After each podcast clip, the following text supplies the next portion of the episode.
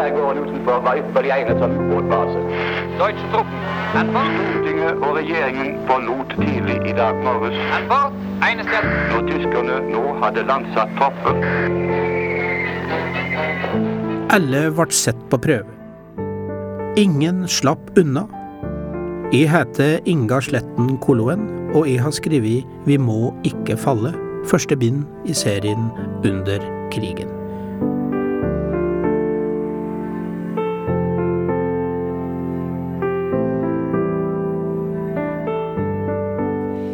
Hvorfor kunne det like gjerne vært britene som invaderte Norge i 1940? Da må vi se for oss hvordan situasjonen egentlig var vinteren 1940. Krigen i Europa den hadde jo vart helt siden september i 1939, med Tyskland og Storbritannia som hovedfiender.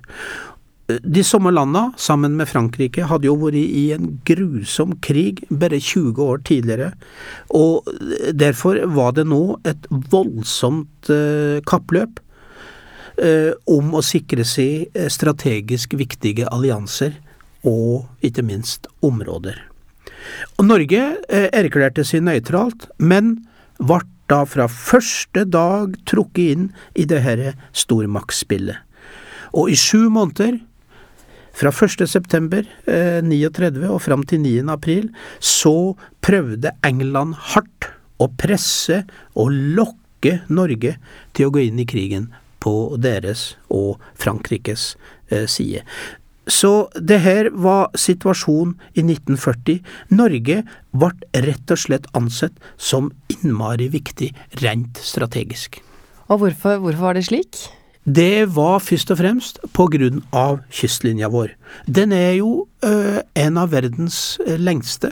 Det er kanskje ikke alle klar over. Og så var det slik at det gikk an å frakte jernmalm ut fra Narvik. Og jernmalm den var helt avgjørende for den tyske krigsmaskina. Man laga kanoner, båter, øh, tanks osv. med jernmalm. Det er det korte svaret. Men det her må jeg utdype litt. Grann. Tyskerne hadde nemlig bare to måter å komme seg ut i og hjem fra de store verdenshava. Den korteste ruta, den gikk rett ut og gjennom Den engelske kanalen. Men å gå der for tyske skip når de var i krig, det var jo ensbetydende med sjølmord, fordi at det herre smale farvannet, det kontrollerte jo England og Frankrike. Den andre ruta, den gikk langs norskekysten. Og Hitler han var kjempefornøyd med at Norge hadde erklært seg nøytralt, for ifølge de internasjonale reglene som gjaldt, så hadde ikke de allierte lov å angripe tyske skip innafor den norske sjøgrensa. Og dermed så kunne alle tyske skip snike seg langs denne her fem og en halv kilometer breie, trygge korridoren langs hele norskekysten.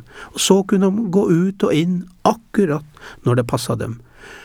Og det verste av alt, i britenes øyne, det var at i denne trygge korridoren gikk også alle tyske skip som frakta denne jernmalmen til Hitlers våpensmier.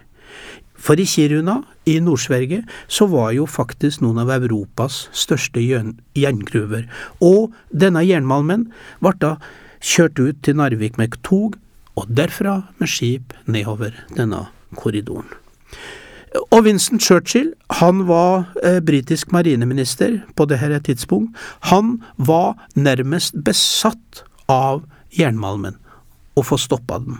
Churchill la derfor tidlig fram planer om at Storbritannia, sammen med Frankrike, måtte invadere Narvik, Trondheim og andre byer nedover norskekysten for å stanse da den tyske eh, eh, skipstrafikken. Og faktisk, kong Haakon tok også til orde for å gjøre det vanskeligere for tyske skip å bruke denne her, eh, fem kilometers sjøkorridoren. Det må du forklare litt nærmere, Ingar. Ja, eh, kongens resonnement eh, var eh, at når eh, tyske ubåter og tyske miner tok livet av masse sjømenn. Vi hadde jo en av verdens største eh, handelsflåter, og skip etter skip etter skip ble senka. Eh, og når tyskerne gjorde det, så kunne ikke Norge la tyskerne få en trygg korridor langs kysten. Det her måtte stoppes, mente da eh, kong Haakon. Men eh, han fikk ikke med regjeringa eh, på det resonnementet, fordi at det ville jo vært et brudd på eh, nøytralitetsreglene. Og regjeringa var selvsagt opptatt av å bevare eh, denne her eh, nøytraliteten.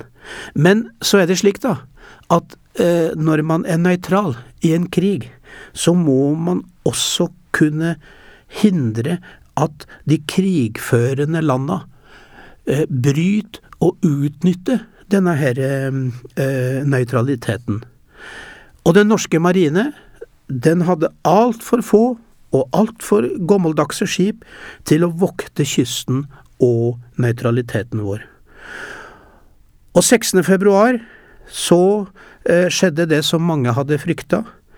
Eh, da mista Hitler trua på at Norge var et nøytralt land, og den dagen, da ble alt forandra.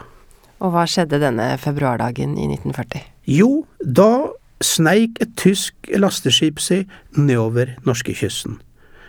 Skipet het Altmark, og om bord på Altmark var 300 briter som tyskerne hadde tatt til fange eh, langt ned i Sør-Atlanteren, i sjøkrigen som også foregikk der.